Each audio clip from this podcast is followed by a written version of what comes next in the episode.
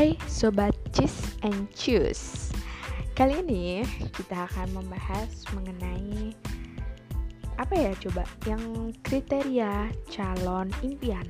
Wow kriteria calon impian ya.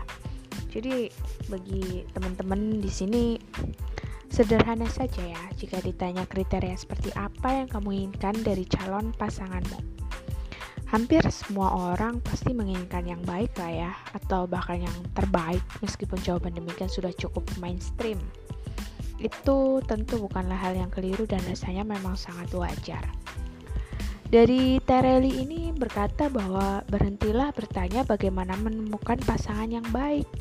Mulailah menjadi orang yang baik dan terus lebih baik maka maka akan terjawab sendiri pertanyaan ini.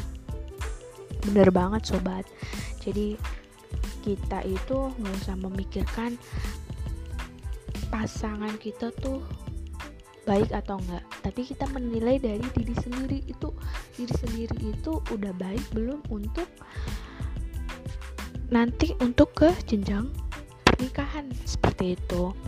Jadi perlu jadi dari sobat sendiri itu harus perlu memikirkan ya. Jadi so terima kasih untuk malam ini Sobat Cheese and Choose.